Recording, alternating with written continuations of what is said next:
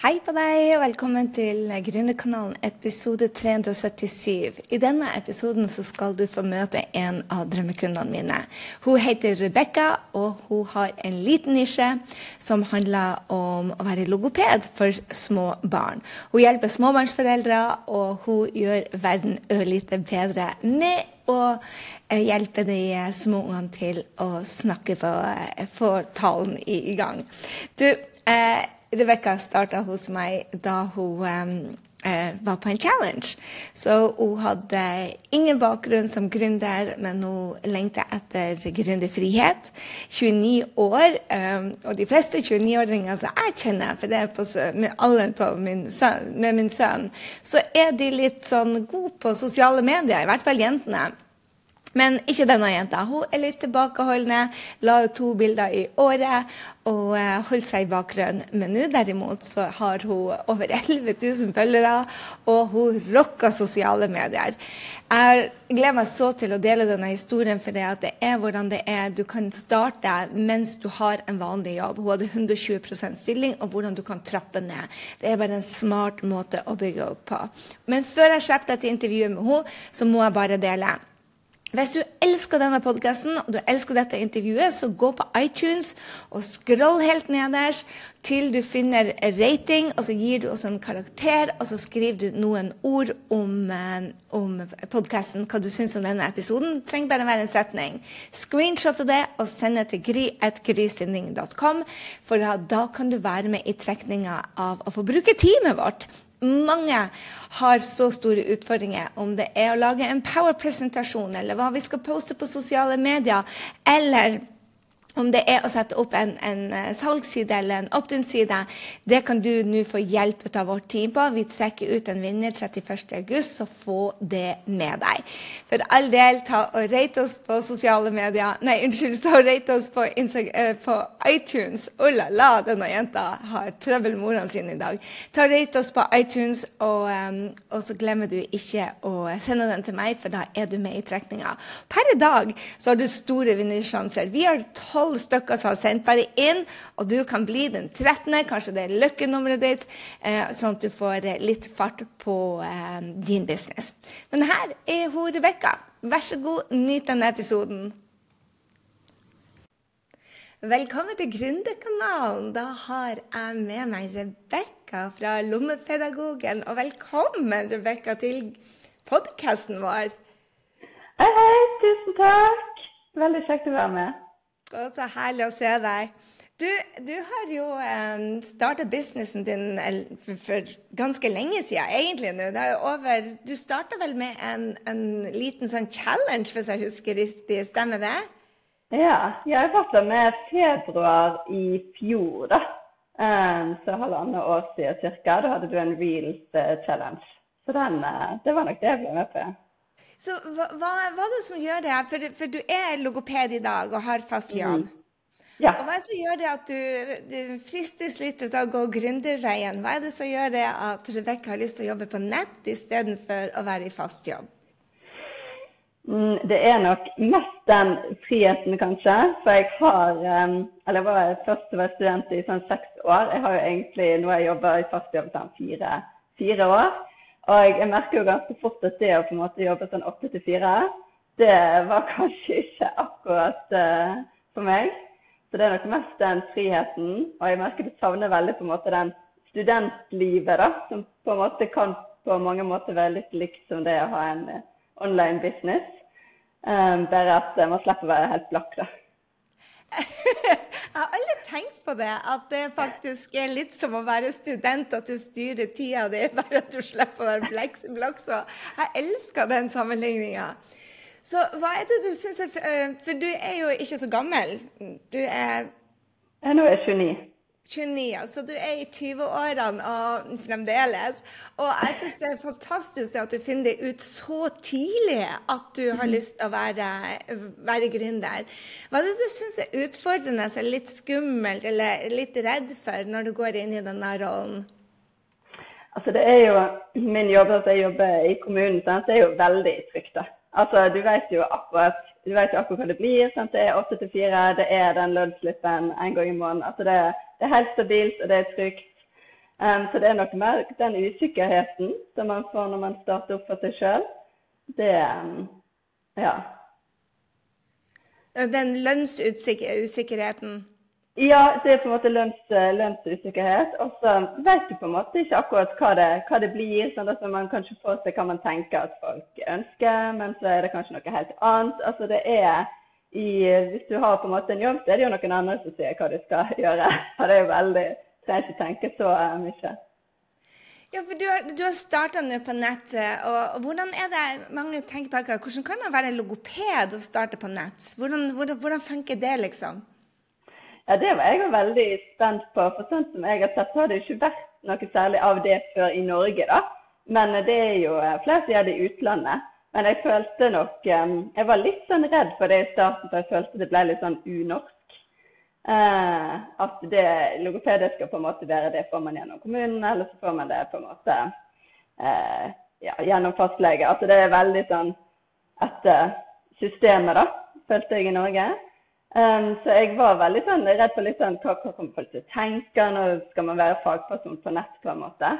Men, um, men det har egentlig vært veldig kjekt. altså Det var veldig tydelig at det var noe som mangla. Um, sånn at folk har vært veldig positive uh, til at uh, den informasjonen kom ut. da. Så jeg opplevde jo at folk savna det. da, At det var på en måte et hull i Norge. Du jobber mest med barn, ikke sant? Ja. Og gammel, Fortell oss hvem som er drømmekundene dine. Uh, det er, det er småbarnsforeldre. da. Jeg har tenkt kvinner ca. 35 som har eh, barn ja, mellom 0 til 6 år som har eh, språkvansker eller forsinka språk. Så, så, tenkte du det at da må man være i samme rom, sånn som veldig mange kanskje tenker, at man mm. må se barna. Man, hvordan eh, Merker du nå da at, der, at, man får resultater, og at eh, foreldrene er fornøyd, eller savner de å se deg og holdt på å si ta på deg, men det var ikke det jeg mente, men, men føler den nærheten til, til barnet? Nei, Jeg opplever at uh, de tilbakemeldingene jeg har fått, de har vært veldig positive. For det er noe er det veiledning til foreldre jeg gir, da, hvordan de kan hjelpe sine egne barn med språket hjemme. Da. Og det er det mange som har sagt at de savner. For selv hvis barna deres får hjelp kanskje i barnehagen, og sånt, så får foreldre veldig lite informasjon om hva de kan gjøre sjøl. Så de uh, føler at de Jeg fått tilbakemelding om at de føler at de, de kan på en måte følge mer med i fremgangen. De har litt mer kontroll over hva som skjer. Og de får delta i mye større grad enn det de mm. har gjort før. Og du var litt redd også for at dette ble liksom litt for stor distanse når det var på nett i starten? Ja, for jeg, altså jeg har ikke hørt om så mange som gjør det i Norge, på en måte bare veileder foreldre. Så jeg var litt redd for de, om det kom til å få resultater eh, når eh, de skulle gjøre alt sjøl. Eh, men de har vært veldig positive. Så, så, den nye måten å nå ut til, til, eh, folk på via sosiale medier og nettet, er jo Du, du kaller det unorskt. Og det er jo og det er litt sånn hva, hva, tror du er grunnen til at du har tort å bryte ut, ut av det norske her? Nå skal du jobbe i kommunen, du skal få deg en trygg jobb. Hva, hva er det som har gjort det at du har tort å, å bryte ut av det som er veldig norsk, og gjøre det alle andre gjør, og nå tørre å være den første som går går i et nytt marked inn med noe så, så unorsk og nytt som da mm. tjenester på nettet, og da for, for foreldre og barn? Eh, jeg tror at det som hjalp meg veldig, var nok å bli med, altså bli med i det gründerfellesskapet. da. For da fikk du snakke med de andre. Du fikk se at andre har gjort det før deg, og det gikk veldig bra. Um, og um, det var nok, det begynte jo med det, den challengen, sant? og da har du på en måte litt den kickstarten. Og så var jo folk positive fort. Um, så da ble det jo plutselig mye lettere når du så at folk ga faktisk positive tilbakemeldinger. Og, ja, din, ja. din Instagram-konto har jo bare eksplodert. Du starta ja. i februar i fjor, liksom, ett og et halvt år siden, og nå har den eksplodert. Hva tror du er grunnen til at du lykkes? Du starta liksom en challenge og var helt ny og bare OK, Gry, hva er steg én? Hva er steg to? Du er for øvrig en av de beste til å følge stegene og få resultater, og jeg elsker det. Men hva, hva tror du er, er grunnen til at du fikk sånn stor eksplosjon i akkurat uh, ditt, ditt nisjemarked? Mm. Nei, jeg tror nok at det første er på en måte at det mangler litt um, egentlig. At det var, det var liksom et uh, savn der i mm. akkurat det som han snakker om. da. Um, men det andre tenker jeg, altså for meg, da, så følte jeg at um, når du først var med på en sånn challenge og fikk på en måte stegene, da, at akkurat dette skal du gjøre, da vet du på en måte at du ikke dummer deg helt ut. da. Altså Du har i hvert fall litt peiling. At det, blir, kan, du kan, det er liksom begrensa hvor gale det kan gå, da selv om Men så er du liksom i gang, da.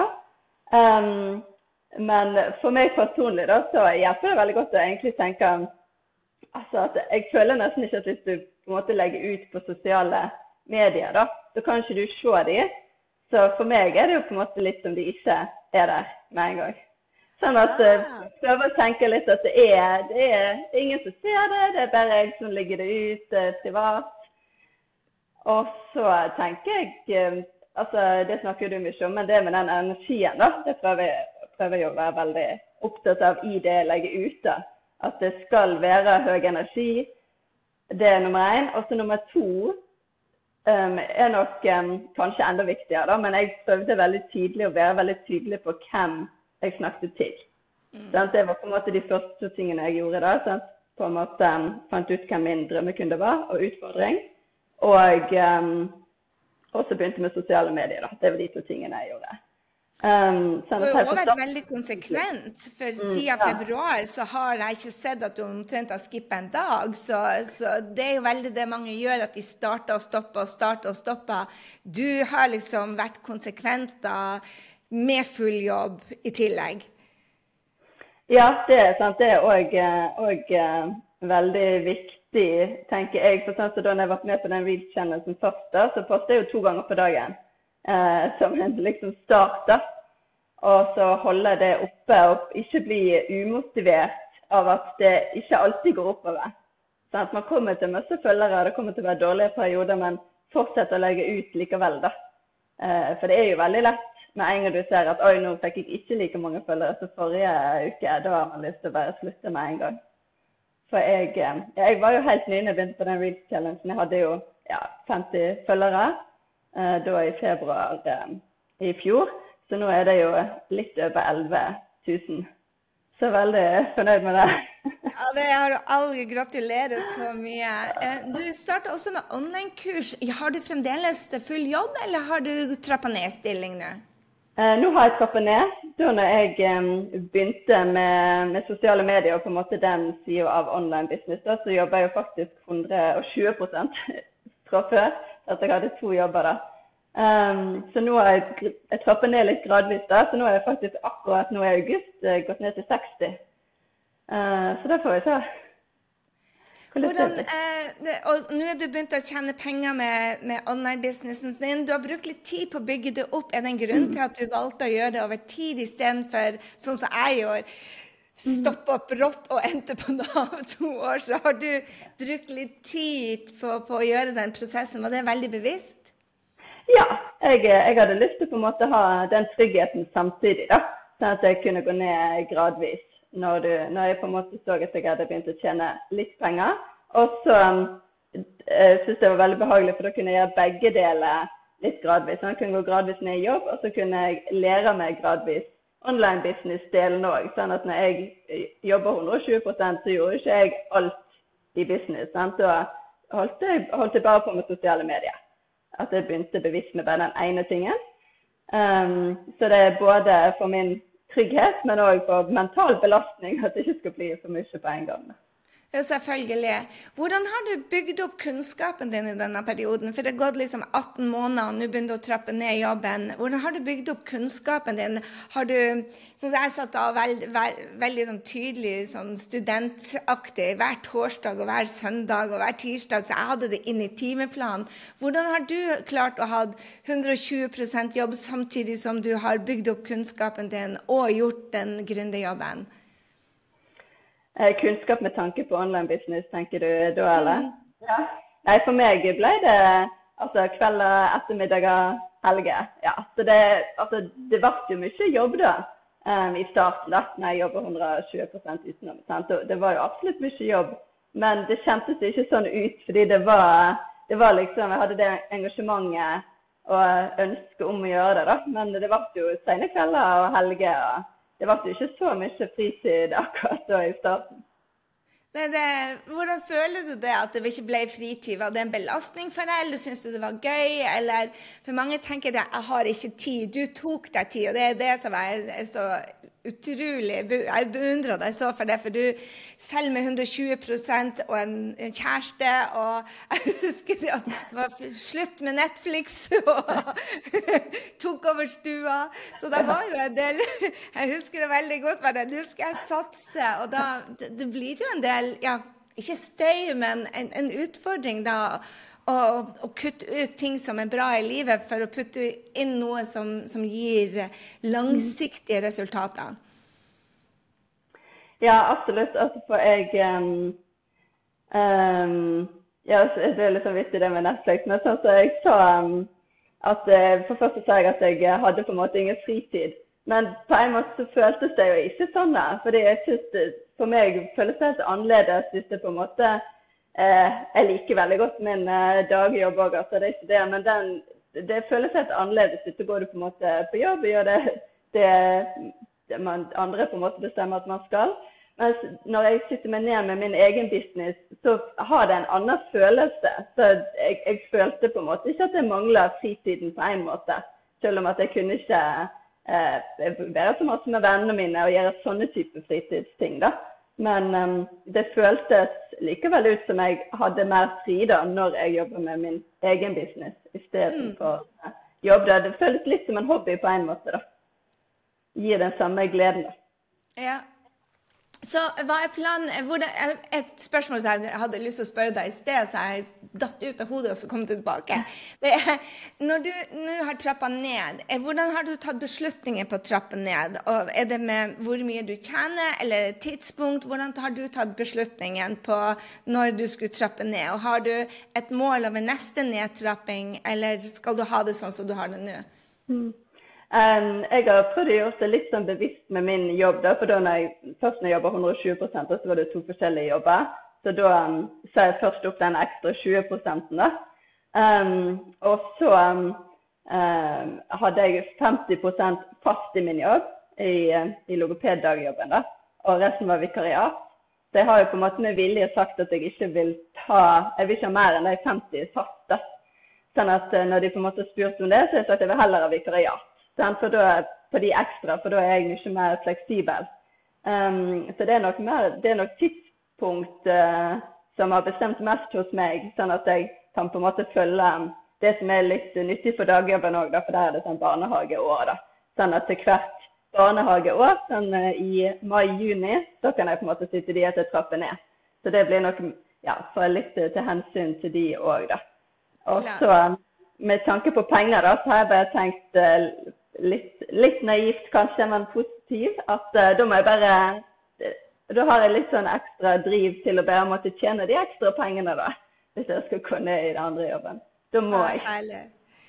Så hva er det du syns har vært mest tøft da i denne prosessen med å starte for deg sjøl? Hva, hva, har du tenkt har vært mest utfordrende for deg? Altså, nå har jeg jo sagt at det ikke var så galt med tid, men det er jo fremdeles på en måte kanskje tiden som har vært mest utfordrende likevel, selv om det har gått, uh, gått fint.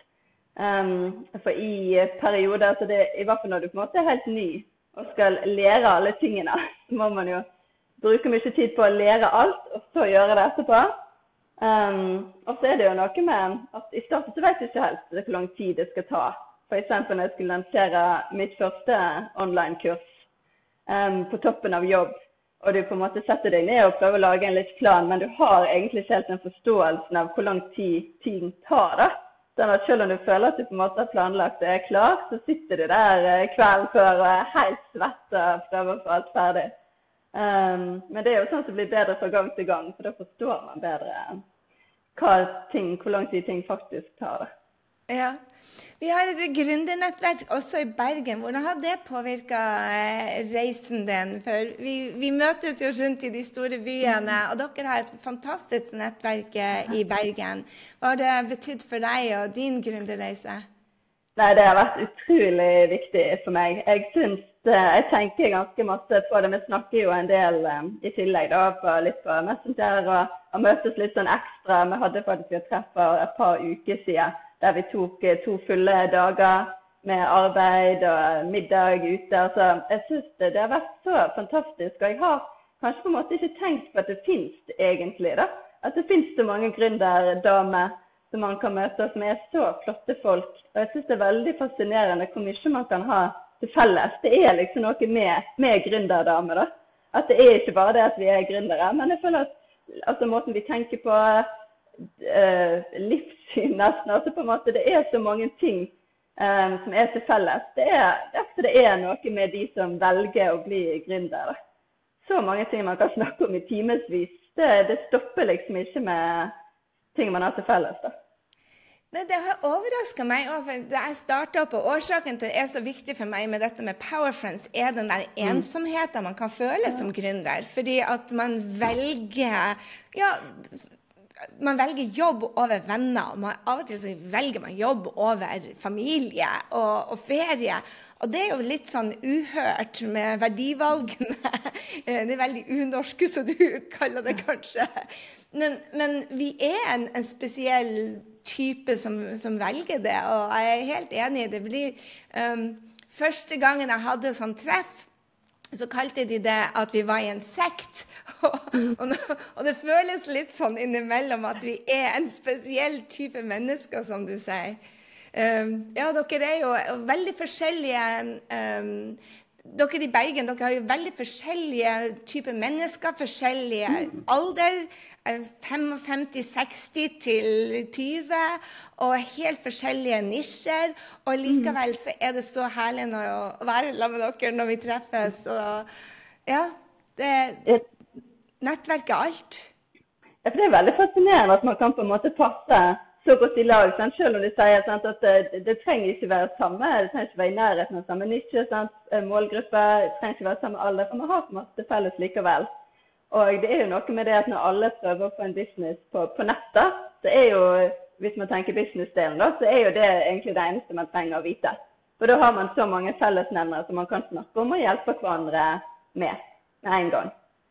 Ja, hvordan er det? For det er jo veldig unorsk det jo egentlig å være der for hverandre. Og støtte hverandre og heie på hverandre. Så når du får 11 000, så roper folk 'yeah' istedenfor 'ned'.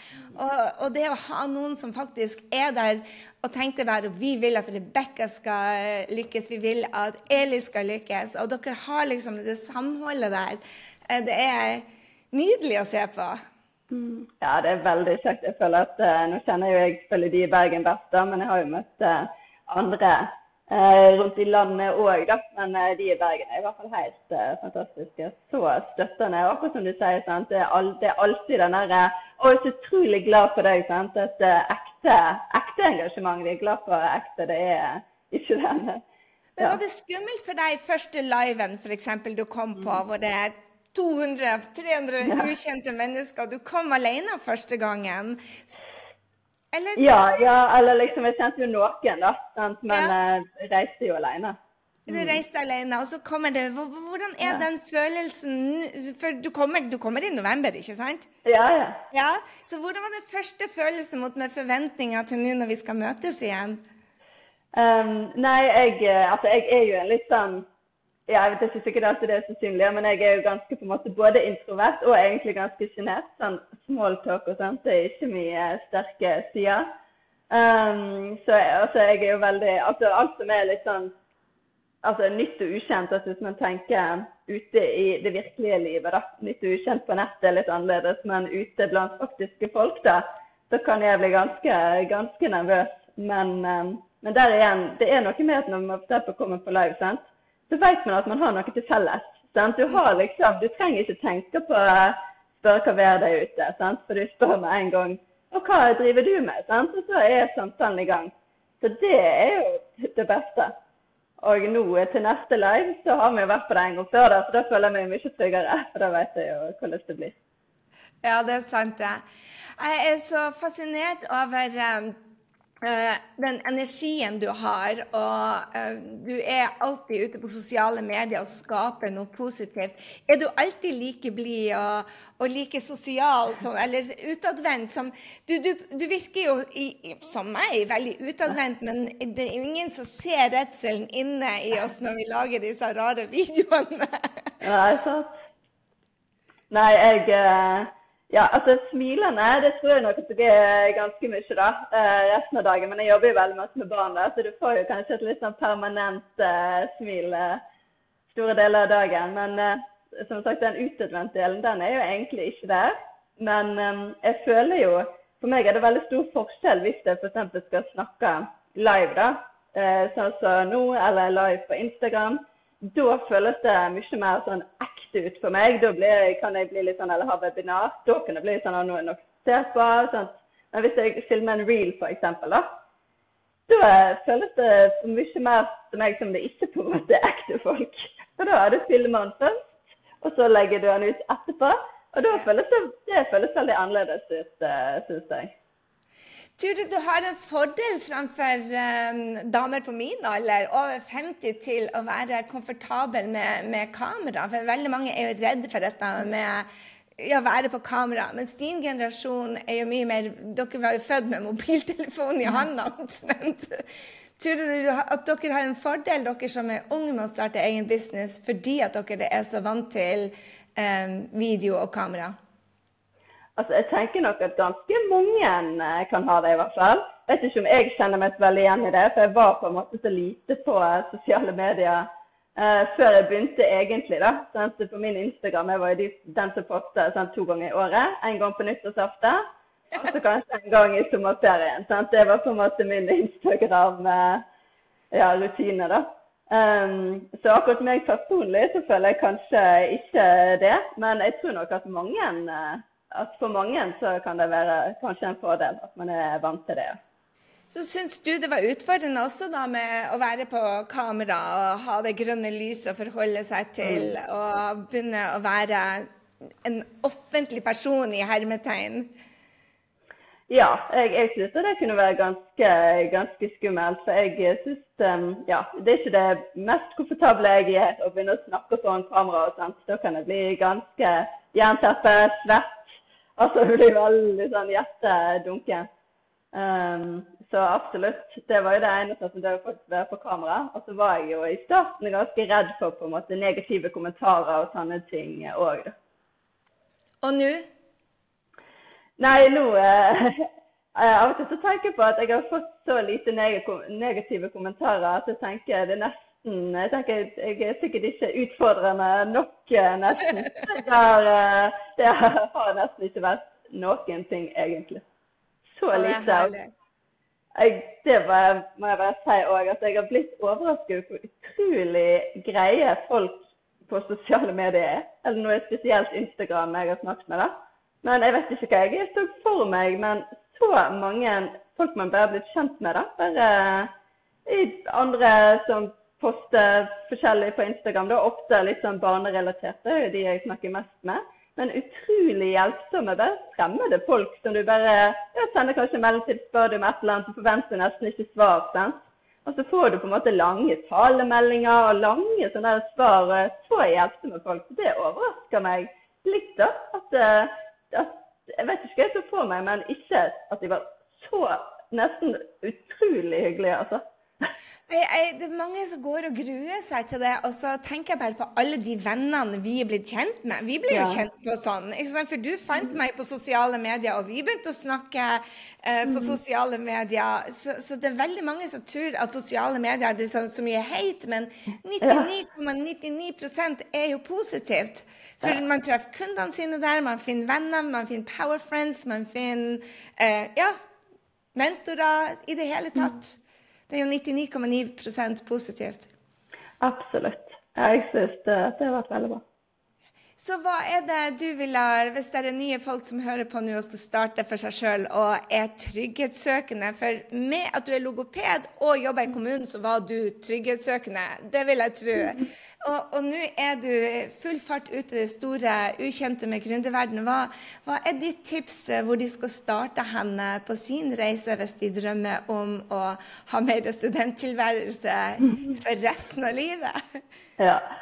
Um, jeg, jeg, ville nok, hvis jeg skulle gjort det igjen, så ville jeg igjen på en måte valgt å um, få hjelp tidlig. da, Altså til selve um, online business-verden. da. Um, jeg vet ikke hvordan det hadde vært uten, men jeg gjorde det jo tydelig. Men jeg syns at det var utrolig deilig. Um, for da, da, da vet du de første stegene. Jeg er helt sikker på at jeg hadde brukt veldig mye lengre tid uh, på å i det hele tatt få sendt både følgere og få folk på, på e-postliste, og ikke minst tjene penger. Sant? For det koster jo litt penger i starten å, å, å få den hjelpen. Men jeg er helt sikker på at jeg hadde brukt så Det tok så lang tid før jeg hadde fått noe inntekt. at kanskje jeg hadde på en måte gitt opp òg, fordi du ser ikke den framgangen i starten. Mm. Uh, så det tenker jeg absolutt. Også ikke være redd for å uh, snakke med uh, de i dagjobben da, om det. Være åpen om det. For i hvert fall min jobb har jo vært veldig positiv, og det er helt sikkert forskjellig. Men, men det er jeg veldig glad for at vi på en måte snakket om det tidlig, sånn at de vet hva jeg har tenkt til, sant? så blir de på en måte ikke så overraska når jeg f.eks. sier at de skal gå ned i stilling. Sant? Da har de på en måte tenkt, tenkt litt på det fra før. Hva er den store drømmen for Rebekka? Mitt, mitt, mål er jo at selv om jeg liker veldig godt dagjobben min, da, så er det jo å være 100 eh, gründer da, på, på nett. Eh, få tilbake litt eh, studenttilværelsen bare med penger. Um, og jeg har jo veldig lyst til å reise, da. Jeg har jo ja, først på en måte student i seks år, og så den kommunejobben. Så jeg føler jo at jeg har liksom Ja, har ikke gjort så masse, egentlig. Så det å reise og kunne jobbe vekk ifra så sånn tre måneder i året, tenker jeg, da kan jeg gjerne være vekkreist alle de mest regnfulle eh, månedene i Bergen. Da kan jeg gjerne være en annen plass. Og når er det du har tenkt å gjøre dette? Har du satt deg et mål? Ja, jeg har satt på en måte femårsmålet, da. At da er det 100 eh, gründer og tre måneder vekkreist. Det, ja. Fantastisk. Du inspirerer meg så, Rebekka. Altså, ditt humør, den måten du er i vårt samfunn, vårt gründersamfunn, har bare vært, unnskyld, har bare vært helt fantastisk. Og elsker å få jobbe med deg, og jeg håper jeg ser deg igjen på scenen på Skap din drøm jobb live, på liven vår i november. Og du inspirerer så mange foreldre og ikke minst gründere til å tørre å gå for uh, noe veldig unorsk. mer, mer, mer Tørre å være mer og, og, og, leve mer. Og ja. Tusen takk, Rebekka. Veldig kjekt. Takk for at jeg fikk være med kjekt å få være med i dette fellesskapet.